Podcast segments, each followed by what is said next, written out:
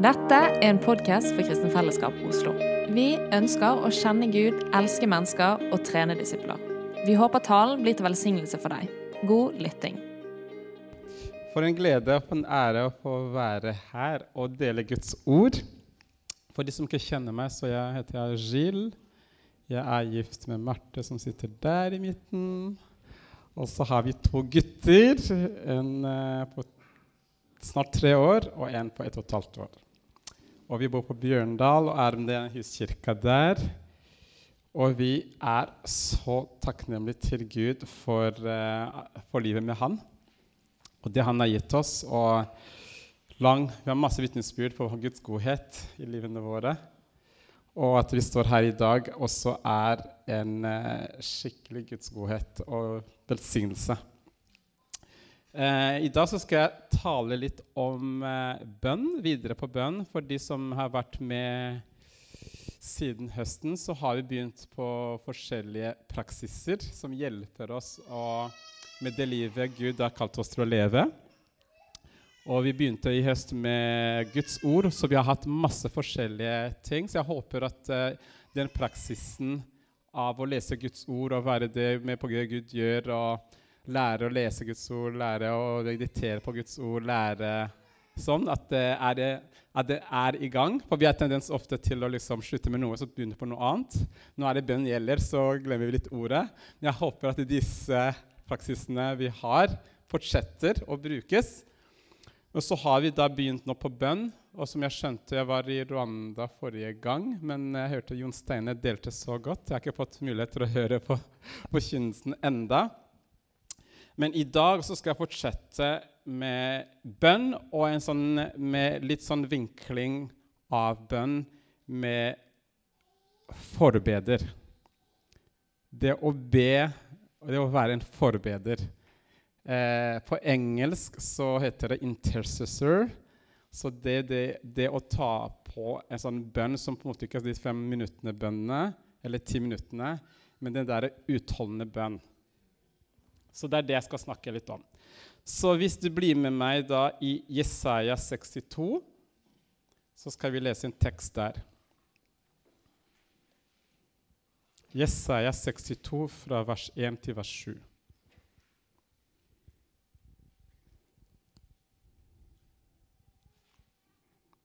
Jesaja 62 fra vers 1 til vers 1 til 7. Så skal jeg be kort.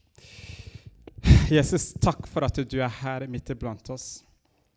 Takk for at du har gitt oss et løfte, at du der tårer til er samlet i ditt navn, så skal du være midt iblant dem. Og du er her. Vi har ingen tvil at du er her sammen med oss. Vi, vi ber Helligånd at du skal åpne Skriftene for oss.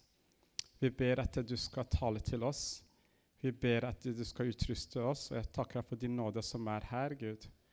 Og jeg takker deg for at du er her for å utruste oss. Jeg ber for åpne hjerter. Jeg ber for at, uh, for at du skal komme og bare gjøre det du kan gjøre, Herre. I Jesu Kristi navn. Amen. Amen. Eh, før jeg leser det, forresten, jeg må bare si litt uh, vi, vi, da, vi, da, vi, lovpriste Gud i stad, så kom masse for profetiske ord om lengsel til Jesus, om å klamme seg til Jesus så mens vi Jeg fikk ikke mulighet til å dele, men jeg så en elv som, flytte, som, som, uh, som rant. Og så ble jeg minnet på Esekiel 47 om en elv som kommer fra tronen, som bare går og, uh, og, og flyter. Og så står det at uh, Jeg må bare egentlig lese det fra mobilen min.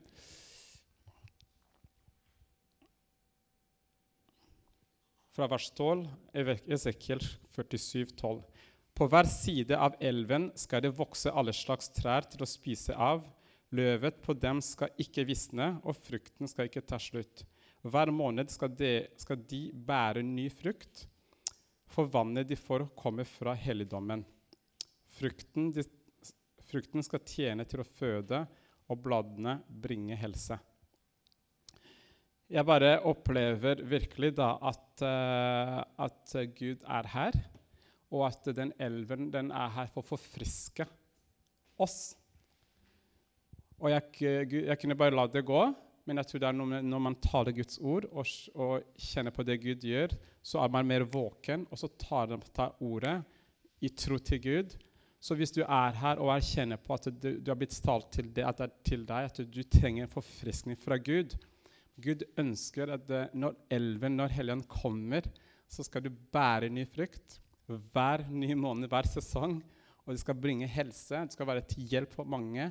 Så det med at du er forfriska, så er du velsignelse for så mange andre. Så ta det til deg, og ta det eh, i, i lønnekammeret og be til Gud. Så la Gud forfriske deg, så du kan være den Gud har tenkt for deg å være. Amen. Da var det Og da, da går vi da til Jesaja 62, vers 1-7. Det står For Sions skyld vil jeg ikke tie. For Jerusalems skyld vil jeg ikke være rolig. Før hennes rettferd bryter fram som lysglans, og hennes frelse flammer som en fakkel. Folkeslag skal se din rettferd, og alle konger din herlighet. Du skal få et nytt navn som Herren selv skal kunngjøre. Du skal bli en herlig krans i Herrens hånd, et kongelig diadem i din Guds, ånd, Guds åpne hånd. Du skal ikke lenger kalles den forlate, og landet skal ikke lenger kalles det som er lagt øde. Men du skal hete den jeg har kjær. Og landet ditt, skal, og landet ditt den jeg har tatt til ekte. For Herren har deg kjær og vil ta landet til ekte. Som en ung mann gifter seg med en jomfru, skal dine sønner gifte seg med deg. Som en brudgom gleder seg over sin brud, skal din Gud glede seg over deg. Vers 6. Jeg har satt vaktmenn ut på murene dine, Jerusalem. De skal aldri tie, verken dag eller natt. Dere som påkaller Herren, ikke unn dere ro. La ham ikke få ro før han bygger Jerusalem opp igjen og gjør henne til en lovsang på jorden. Den teksten her lærer oss noen ting om bønn. Vi, vi lever, mange av oss vet vi det, vi lever i et ganske travelt eh, samfunn hvor vi ønsker at ting skal gå fort. Vi, eh, vi vil ha sånn instant coffee, altså det har vi hørt om før, som fast food. Ting skal gå fort, og det kan gjerne påvirke oss i måten vi er på med Gud på. Jeg vet ikke hvordan for deg, men det er mange bønner jeg har bedt, og så har jeg bedt sånn to-tre ganger, og så bare opplever, jeg- opplever jeg at det ikke skjer så veldig mye. Og da tenker jeg bare ok, men det er jo hvert fall bedt. Og så Det ligger der, det er gitt til Gud. Men her er det det motsatte det Gud eh, viser oss i den teksten her. Først så forteller fra vers, eh, vers 1 nei, nei, fra vers 2 til vers, vers 5 forteller Gud hva han ønsker å gjøre. Det er, profet, det er profetisk, det han deler. Han sier akkurat nå du er et sted hvor du, ditt navn er eh, den forlate. Du er der hvor eh, du ligger egentlig ruiner. Men det er noe jeg ønsker å gjøre for deg. Så du er her. Det er ikke så veldig bra der du er nå, men Jerusalem det er et sted jeg ønsker å sette deg. Så det som skjer først når vi kommer til Gud i bønn, er at det er å finne Guds hjerte for de tingene vi står og ber for. Alt har sitt opphav i Guds hjerte. Ikke hva vi vil og føler. Man kan, si hva, man kan be hva man, man vil selvfølgelig og føler, men utgangspunktet så Gud har en tanke. Gud har noe han ønsker å gjøre, og så forteller han det. Og som respons så, sier, så fra vers 1 så står det hvordan man skal respondere når man har funnet ut hva Gud ønsker. Så, sier, så står det at 'Jeg vil ikke tie for Jerusalem før det jeg har sett Gud ønsker å gjøre, skjer'. I vår samfunn, i vår kanskje din oppdragelse, jeg vet ikke om det har vært for deg, men man har hørt mange ganger bare 'slutt å mase'. Jeg har hørt deg. men du trenger ikke å mase på meg. Med det Gud sier her Jeg har satt vaktmenn ut på murene i Jerusalem. De skal aldri tie, verken dag og natt. Dere som påkaller Herren, ikke unn dere ro. La ham ikke få ro før han bygger Jerusalem opp igjen og gjør henne til lovsang på jorden. Så det er Guds respons for oss når, han, når med en gang vi forstår det Gud ønsker å gjøre, så vil han at du og jeg maser. Du ber, og jeg ber og ber og ber inntil du faktisk ser at lovsangen bryter fram. Men så kan det hende at å, men jeg har bedt, men jeg er nå sliten. Men det er ikke noe andre alternativ enn å be inntil du ser det Gud har talt, skje. Men det syns jeg er veldig interessant at Gud sier at jeg setter, opp, setter ut vaktmenn. Og det er de jeg kaller forbedere. Gud sjøl kaller på folk, setter på hjertet deres byrde på hva han ønsker å gjøre, og så sier jeg nå kan dere be ut, så jeg kan svare på det. De som har hørt meg siste gang snakke om bønn, det er det samme. Hvis Gud er den allmektige Gud og kan gjøre akkurat det han vil, hvorfor vil han at vi skal be da? For han sier at vi skal be la din vilje skje her på jorden som som himmelen. Og hvis du husker godt, så har vi konkludert med men det er fordi Gud sjøl ønsker at vi er en del av det han gjør. Så hvis du sitter og tenker bare men Gud vil gjøre uansett hva han vil, så om jeg ber eller ikke, så det gjør han uansett, du tar feil. Han kan gjøre det, men han vil at du skal samarbeide med ham. Alt har sitt opphav i hans tanker. Det er en som har sagt eh, jeg synes det er veldig morsomt, det er en veldig kult eh, måte å, å, si det på, at bønn har fire steg. Den første er at Gud innfanger en tanke, altså hans vilje. Og så Gud åpenbarer den viljen til sine barn gjennom Den hellige ånd. Og det tredje er at Gud, Guds barn svarer til hans vilje ved å be. Og det siste Gud vil svare på akkurat de bønnene. Og det er sånn alltid det går. Gud har noen ting i livet ditt han ønsker å gjøre. Gud har noen ting han ønsker å gjøre i Norge. Gud har noen ting han ønsker å gjøre i din familie. Gud har noen ting han ønsker å gjøre. Og det første han gjør, er å gi det til deg i hjertet. Hvordan det? Jo, det kan komme gjennom profetisk ord, det kan komme gjennom hans ord. At det er bare ting som du vet Guds vilje. Dette er Guds vilje. Det er ikke noe jeg prøver å finne ut. Gud vil at alle mennesker skal bli frelst og lære sannheten å kjenne. Du trenger ikke å spørre Gud om den naboen din trenger frelse. Det vet du at han ønsker det. Jesus helbreder de syke. Trenger ikke å spørre Gud om han ønsker å helbrede noen som er syk. Så jeg, bare min oppgave og din oppgave, det er å be inntil du ser faktisk at noen ting skjer. Så i Guds rike mas i vei. Vi kanskje syns ikke det er gøy, men Gud som far han sier det til oss. Be og be og be og be og be. Og når du er sliten, så be igjen. Når du er sliten, be noen andre sammen, og be sammen inntil Jerusalem, lovsangen bryter fram. Inntil du ser det han har tenkt skje.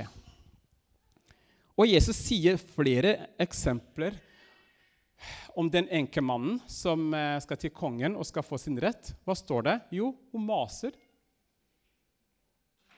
og det er mange eksempler som forteller hvorfor hun egentlig ikke skulle gå til kongen for å få sin rett. For de som kjenner historien og hvordan kulturen var. Men er, jeg synes det er noen ting som er viktig Jesus prøver å få fram. At her er det å være helhjerta i det.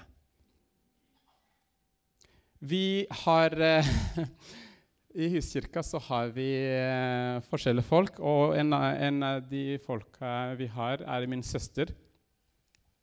Og hun er ikke norsk, for å si det sånn. Og, og når hun begynner å be, så er det helt uh, klikkings. og det er roping, og det er grining, og det er på gulvet, og det er skri, og det er barna bare OK, hva skjer nå? Um, man kan si så mye om bønnetype og hvordan du er, men én ting er sikkert. Den, jeg ser en person som er desperat etter å ha et møte med Gud, eller etter det Gud har tenkt seg. De skal aldri tie dag og natt inntil Gud. Gjør det han har tenkt. Så For det er noen som vet det, men det er ikke alle. Jeg kan dele litt, litt personlig. Min søster, litt eldre søster, eh, bor i Belgia og har fått kreft forrige uke, eller halvannen uke siden.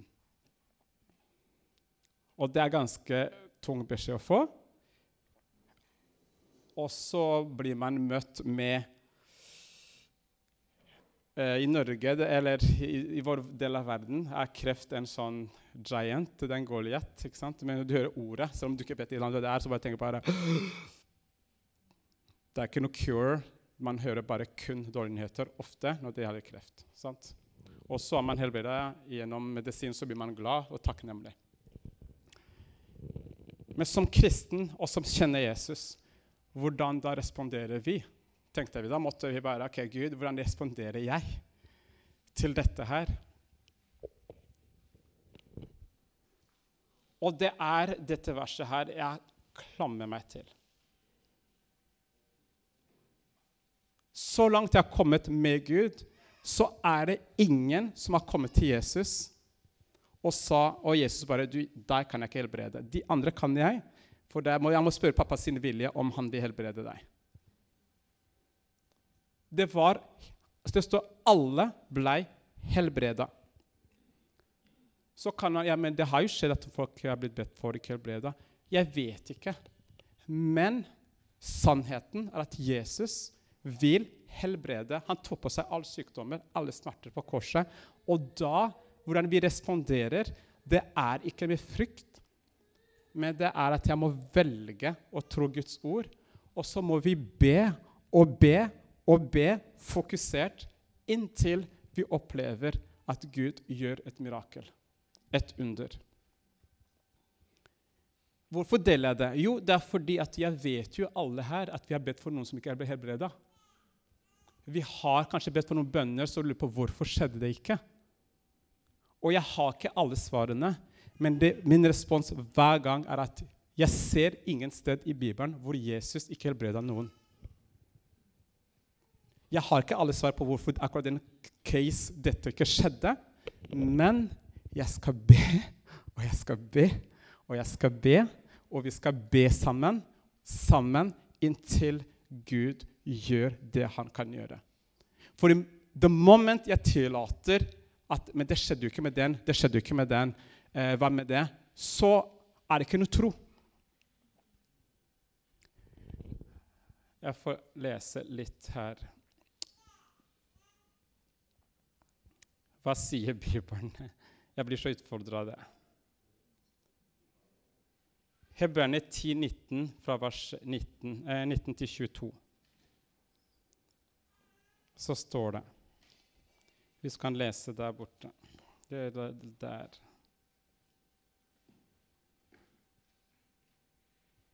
Hebreerne 10, vers 19. Så har vi da søsken frimodighet ved Jesu blod til å gå inn i helligdommen.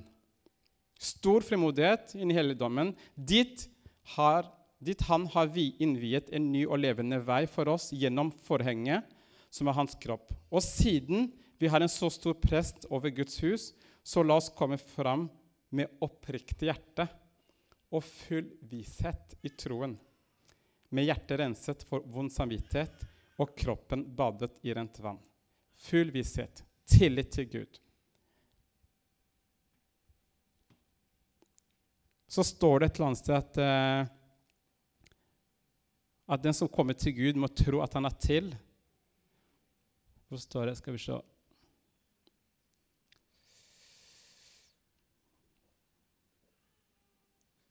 Om, om noen av dere mangler vi, eh, visdom, eller det kan være whatever du mangler, skal han be til Gud, som villig og uten bebreide gir til alle, og han skal få.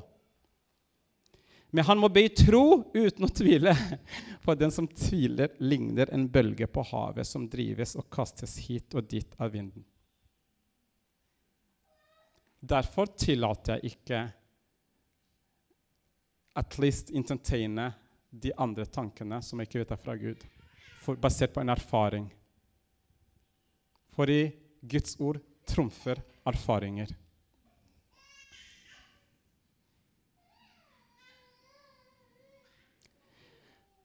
Um, og så vil jeg kanskje svare på noen ting, eh, noen tanker rundt det som kan hindre oss å stå utholdende i bønn.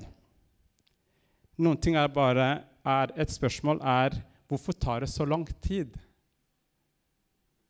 Eller vi har salvet han, eller vi har bedt, og vi har gjort det de skulle, jeg, har, jeg har fastet, jeg har bedt høyt, jeg har uh, bedt stille, jeg har uh, Du vet når du har gjort alt tinga du skal gjøre, på alle måter. Så sier jeg hvorfor tar det lang tid? Eller jeg hadde ei som spurte men hvorfor er Gud stille? Jeg har ikke alle svarene, men jeg tror at kanskje noen ting har noe med at når vi ber for noen ting over lang tid, så catcher vi mer og mer av Guds dybde og viktigheten av det han har vil gjøre. At hvis vi hadde bedt fem minutter, og så bare skjer, så får vi få tak i det egentlig Gud ønsker å gjøre. Det kan være et svar. En annen ting så kan det være at altså konstant bønn er nødvendig fordi pga. en viss type eh, At f.eks. det er festninger fra djevelen som krever en sånn intensifisert bønn. Og det, finner vi her i, når, når disiplene dere husker historien, når disiplene ber for en som, eh, og, også, som hadde onde krefter, så klarte de ikke det. Så står det, når de kom, så står det at da Jesus var kommet i huset og disiplene var alene med ham, spurte de hvorfor var det ikke mulig for oss å drive den ut. Og Jesus svarte dette slaget er det bare mulig ved å drive ut ved bønn og faste.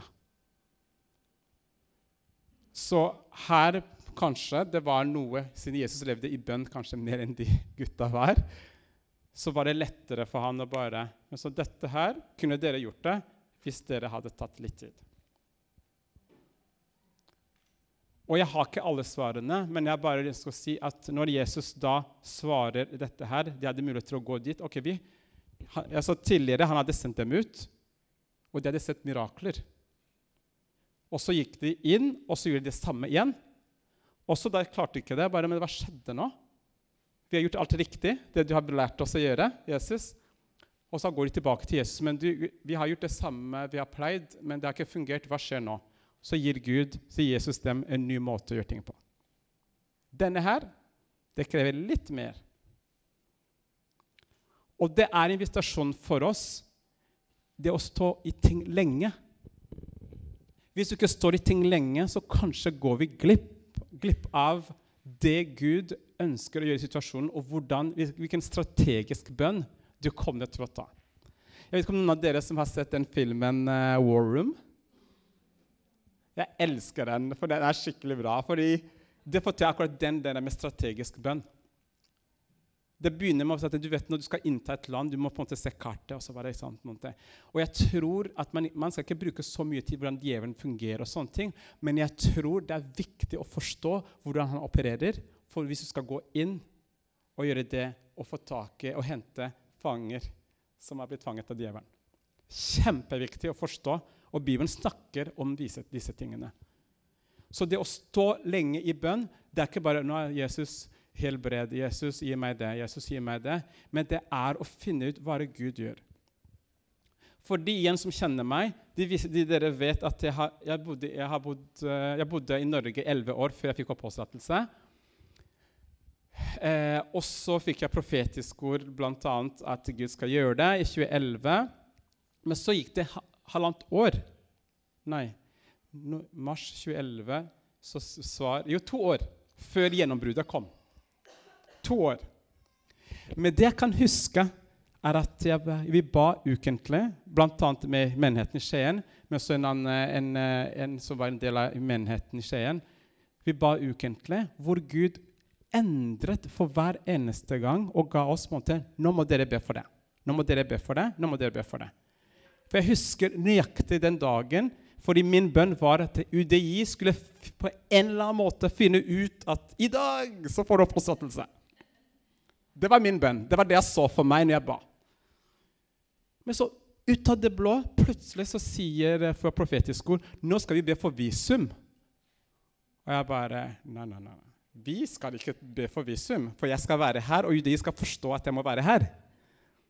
Men så Gud, men da begynte vi å be for visum.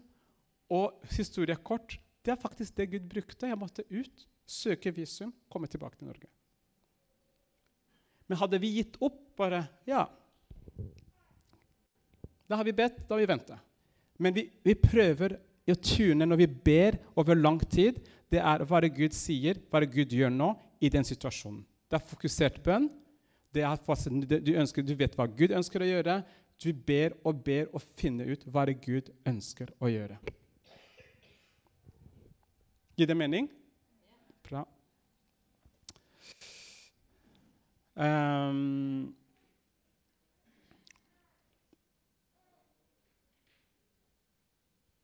også ønsker jeg å kommentere litt her eh, noe med Vi må huske at alle vi, vi er disipler. Det betyr vi lærer hele tiden. Alt dette jeg deler her, det er ting jeg lærer sjøl. Og det er sikkert din erfaring også med Gud. Men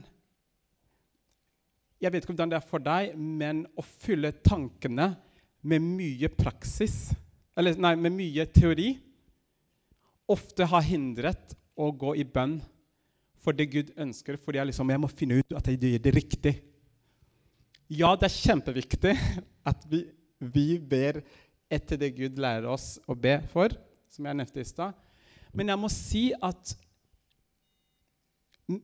la det ikke stoppe deg selv om du ikke vet hvordan du skal be. Men be med å øse hjertet til Gud. Fordi f.eks. For igjen, i den situasjonen vi er i, så jeg, jeg holder på å lære liksom, igjen, Gud har ikke helbredet enda. Vi har bedt i to uker. Vi er i vente, liksom. Men det jeg ser bl.a. Gud lære meg om helbredelse. Jeg tar noe studie i Guds ord. Hva egentlig Jesus sier om, Guds, om helbredelse. Så Gud gjør noen ting i hjertet mitt uansett. Sant? Men andre ting er at jeg var så opptatt av bare Ok, hvordan skal vi be riktig da i dette her, liksom? Og det ble sånn helt sånn Men så kjente jeg på Men kjære Gud Jeg får bare be det jeg kjenner på, og så må jeg lære, så Gud viser meg. Det tar jo tid. Men la ikke, fordi du ikke vet du skal be, og hvordan på en måte er riktig måte, eh, hva som er riktig på punkt og prikke, hindre deg for å be de ekte bønnene som, som berører Guds hjerte.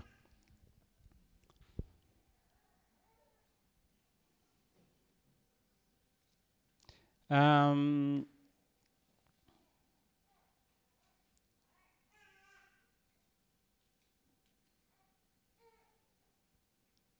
skal vi se mm. Også det med å være forbeder var at uh, Gud satte vaktmenn ut. Så noen kan kjenne kanskje allerede her at Gud har lagt på ditt hjerte å være en forbeder. Men jeg har også jeg håper, og det er min bønn i dag, at du kan være den som frivillig sier Gud, jeg vil være en vaktmann. Fordi jeg, jeg, jeg, generaliserer veldig mye. Det er ikke sikkert alle er sånn. Men det er ofte kult å være en lovsangsleder, å være en, en, en pre, som preker, eller som gjør uh, de synlige tinga, på en måte. Men det er ikke mange som kanskje sier seg frivillig. til å ta den forbederjobben. Men jeg tror at det fins Det er umulig å se det vi drømmer om. Vi drømmer om fordi Gud har lagt de drømmene på hjertene våre, uten at vi er forbedret. For alt Gud ønsker å gjøre på jorda, vil han gjøre som svar på bønn. Så det er så viktig at flere av oss forstår at det angår oss å ta på oss den forbedertjenesten.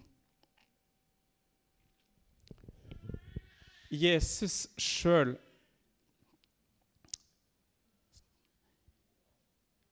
eh, Jesus sjøl sa, står det Men Jesus har et prestedømme som ikke tar slutt, fordi han er og blir til evig tid.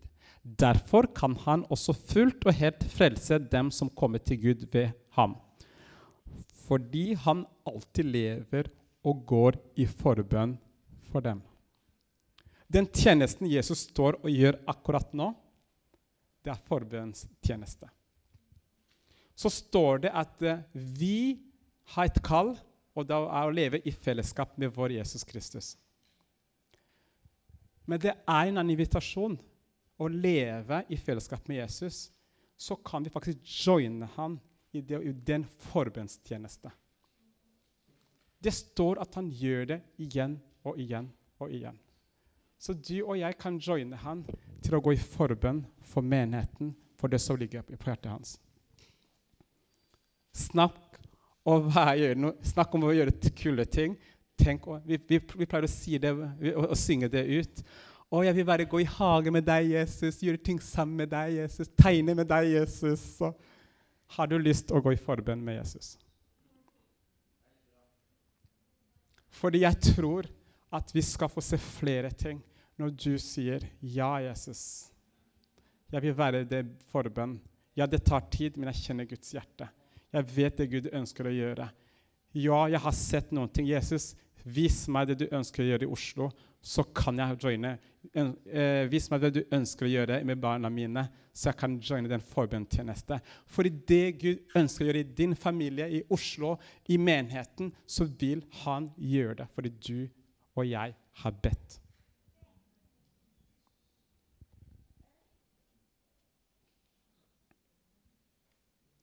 Det er en, en, en kul fyr eller dame jeg vet ikke, Er Epafras en dame eller en mann?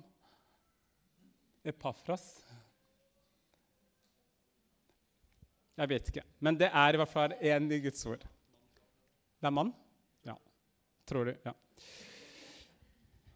Det står i Kolosserne 4. Epafras, som er en av deres egne, hilser også. Han er en Kristi Jesus tjener og kjemper alltid for dere i bønn. Det er han, ja. ja. Han ber om at dere må bli stående fullkomne, fullt overbevist om hele Guds vilje. Jeg kan vitne på at han strever arbeidet for dere, for dem som er i Leokadia og Hierapolis. Så her har vi en som har tatt på seg det der. Han har tatt på seg en ansvar. Han er Jesu tjener og kjemper for folk i bønn. Han strever og arbeider. Ja, det er en jobb. Ja, det er ikke kult. Men hvis vi kan skjønne at Jesus går i forbønn, og vi kan samarbeide med han ved Hans Hellige Ånd, så kan vi få se store ting skje som har initiert i hans hjerte.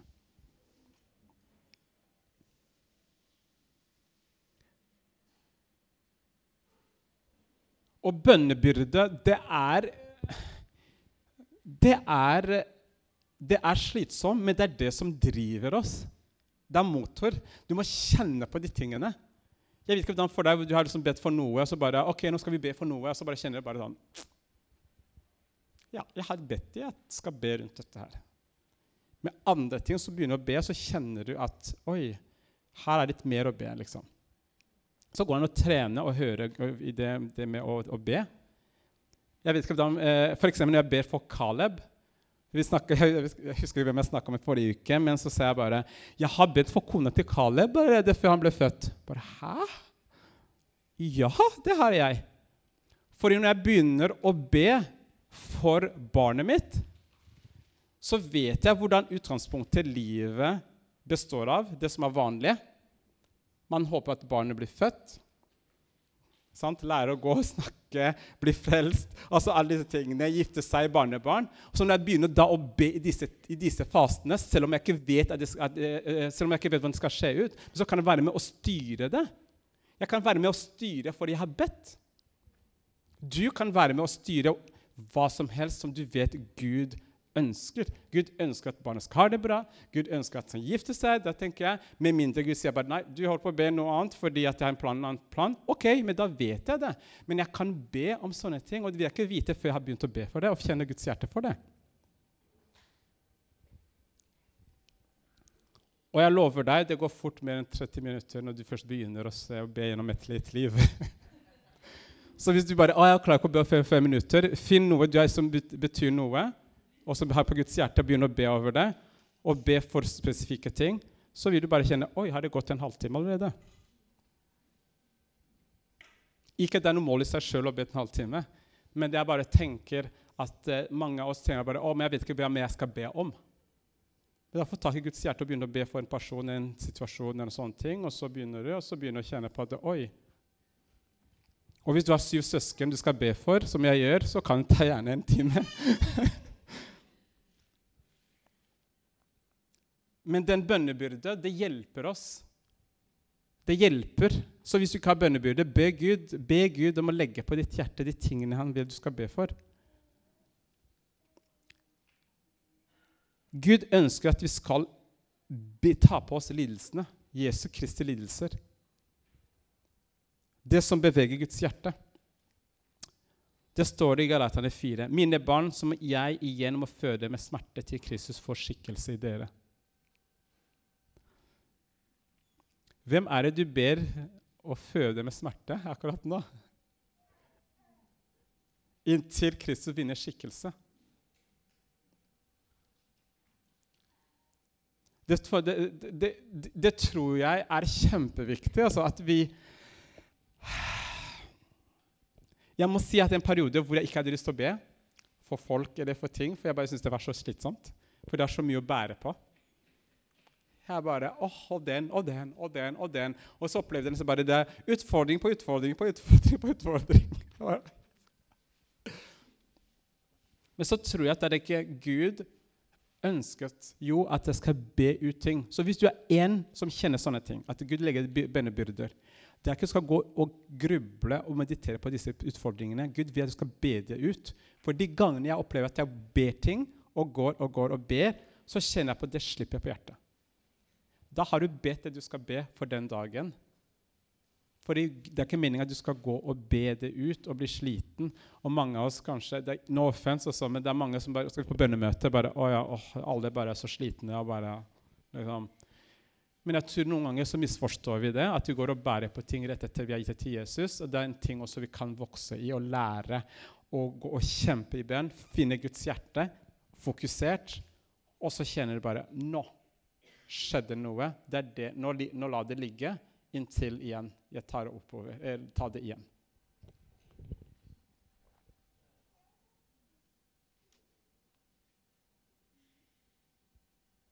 Og til slutt, når vi går i for, tar på oss forberedelsestjeneste når det gjelder menigheten For nå snakker jeg om oss. Nå snakker jeg om forskjellige ting. I stad kan be for familien din, for din situasjon, for, for, for landet. og sånt, Men for menighet det er kanskje egen session for hva man kan be for menighet, og vi trenger å ta en studie på hva er menighet, og hva Gud ønsker. Og Torfinn ofte snakker om dem Guds menighet.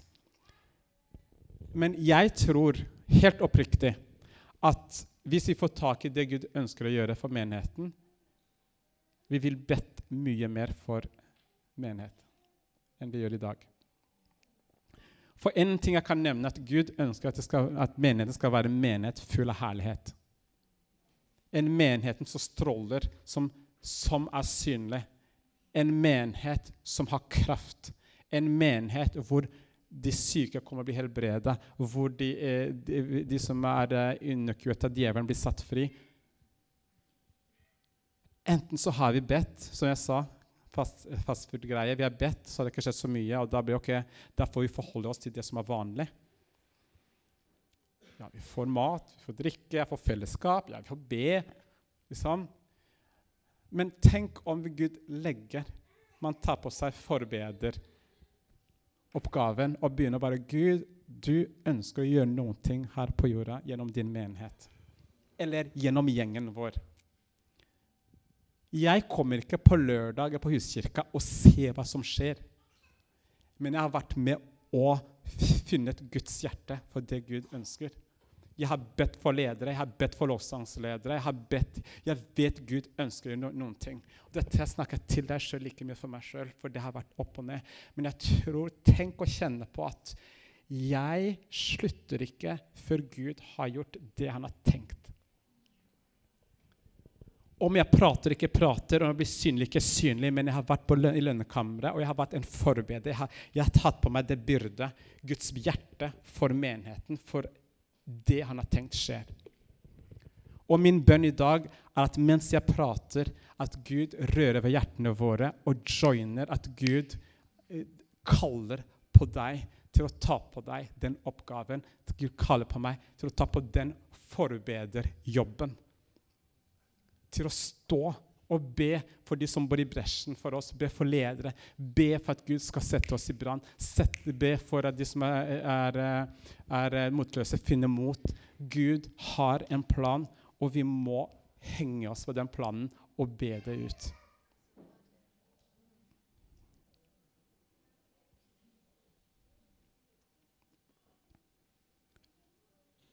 Så Jeg snakket om utfordringer. Og jeg har prøvd å være så ekte som jeg kan være i forhold til de tingene vi opplever når det gjelder bønn. Ting skjer ikke når vi har bedt, og man blir sliten. Men jeg har lyst til å si en, to ting. Jeg skal snakke om tillit og hjelp. Tillit og hjelp. Jeg snakka litt om det med at vi kommer fra, framfor Gud renset hjerte, full vishet. og og Efeserne 3,12 sier at i ham har vi frimodighet, og i troen på han kan vi komme fram for Gud med tillit. Hvis du sliter med tillit til Gud, be Gud om hjelp.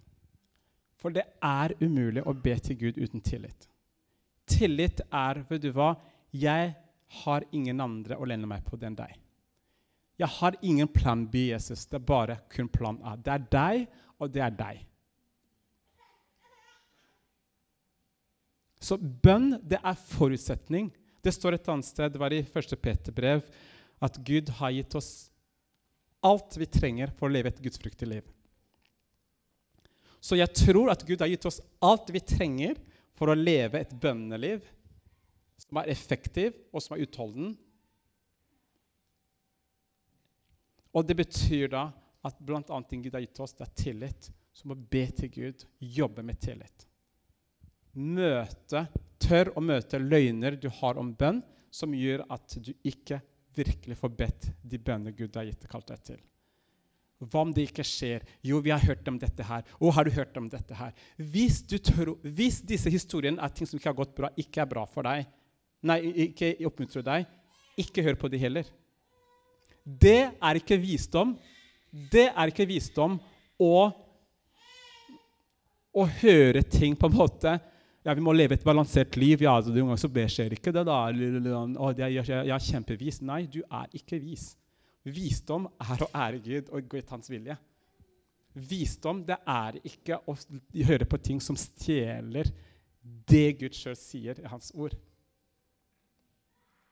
For noen ganger så vil jeg ikke høre på ting som ikke bygger meg opp. Og hvis da det første som møter meg, er at jeg, noen har bedt, så har det ikke funka Hvis det hjelper meg å søke Gud mer, kjempebra. Hvis det gjør at jeg bare Å ja, men det er ikke sikkert det funker. Da vil jeg ikke høre på det.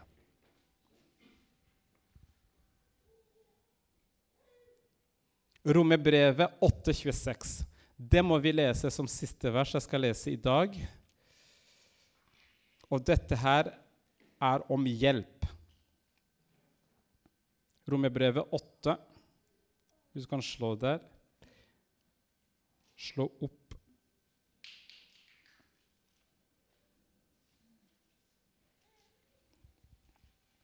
Er vi der? Romerbrevet 8,26.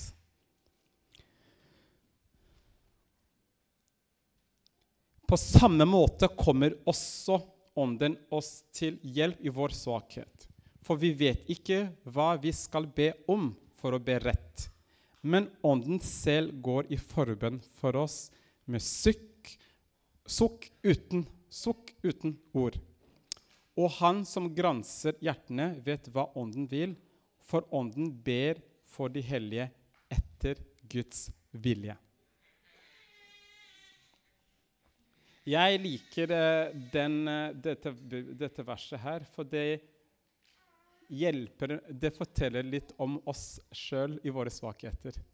Det er noen som har, noen som har sagt at uh, uh, ingenting tydeliggjører så godt hvor svake vi er, som bønn. Hvis du sliter å bruke tid i bønn, det er veldig god indikasjon på din svakhet i ånden. Men det er god, god nyhet, for Gud sier at derfor ånden hjelper oss i våre svakheter. Det har aldri vært mening at vi gjør ting sjøl, men Guds hellige ånd skal hjelpe deg og meg å leve et liv i ånd, et liv i utholdende bønn. For Helligånd går i forbønn for deg og for meg for å be Guds vilje. Derfor kan vi være så, be så frimodige. Så de gangene jeg ikke vet hva jeg skal be om, da ber jeg i tunger inntil jeg vet hva jeg skal be om. Og jeg, noen ganger så Marte har nevnt det flere ganger. Jeg skriker Noen ganger er det ikke fordi at Gud hører bedre fordi jeg skriker, men noen ganger så må jeg bare kjempe med alle de tanker i hodet mitt som prøver å fjerne fokuset på det jeg vet er sannhet. Og da prøver jeg å skrike høyere enn mine egne tanker. Så hvis du ber med meg og hører at jeg skriker, det er ikke fordi jeg er kjempeåndelig, men det er fordi noen ganger så trenger jeg og så si akkurat nå trenger jeg å si ut Guds ord enn hva tankene og alt som tankekjør skjer oppi der. Du finner din vei, men poenget er at vi holder oss fast på Guds ord og står i det inntil du kjenner på at troen har kommet, og be i tunger fordi det ikke bare det er ikke å høres åndelig ut. det er superåndelig, mener jeg, men Helligånd er der til hjelp. Og hvis du ikke har forhold til Den hellige ånd, min kjære venn, jobb med det. Få hjelp, bli bedt for, så du kan få vokse og ha Den hellige ånd. Det er umulig, det er i hvert fall kjempevanskelig å leve det kristne livet uten Den hellige ånd. Tungetallet er der for å hjelpe deg og meg, og det livet vi lever, er vanskelig nok. Men Gud har tenkt å hjelpe oss med Hans Hellige Ånd. Så vil jeg avslutte med å si, å si, at vi er kalt til å leve et liv i bønn. Ikke fastfood-bønn, ikke fast track, ikke fast uh, ikke ting da, da, da, sånn. Men stå i ting. Mase, ikke tie. Stå i det inntil lovsangen bryter fram, inntil du får bønnesvar og hvis du ikke vet hva som er også, som er sagt, forutsetning, kjenn Guds vilje i situasjonen. Ikke hva du tror, men gå i Guds ord. Ring en venn. Stå sammen med flere. Finn ut Guds vilje. Når du har funnet ut Guds vilje, stå i det. Rop ut. Mas og mas og mas og mas igjen. Og når du er sliten, ring en venn eller kall på en venn, så løft hender sammen og be inntil Gud gjør det han har tenkt. Og da bønne, bønnegjengen i menigheten de gjør det samme. Sørg for Jeg tror det er ansvar for ledere og for alle andre er å tydeliggjøre hva Gud har talt om, så da vet vi Guds vilje. Så da kan vi mase. Så hvis ikke vet hva Gud taler om for menigheten, spør noen av lederne eller noen andre du har tillit til, hva er det Gud ønsker for at du kan være med og ta på deg en forbederansvar og be ut? Og hvis du kjenner på at det ligger på hjertet mitt, be Gud, hjelp meg, la meg bære dette, Gud. Gi meg et hjerte som kan bære det, så lovsangen kan bryte ut i Oslo, så folk kan finne frihet, så familien min kan komme dit de har kalt til. Du kan fylle ut alt når det gjelder hva du kan be for, og hva vi kan be oss sammen. Amen. Takk for at du hørte på denne talen. Vil du vite mer om hvem vi er, kan du gå inn på kfoslo.no, eller følge oss på Instagram og Facebook. Vi høres!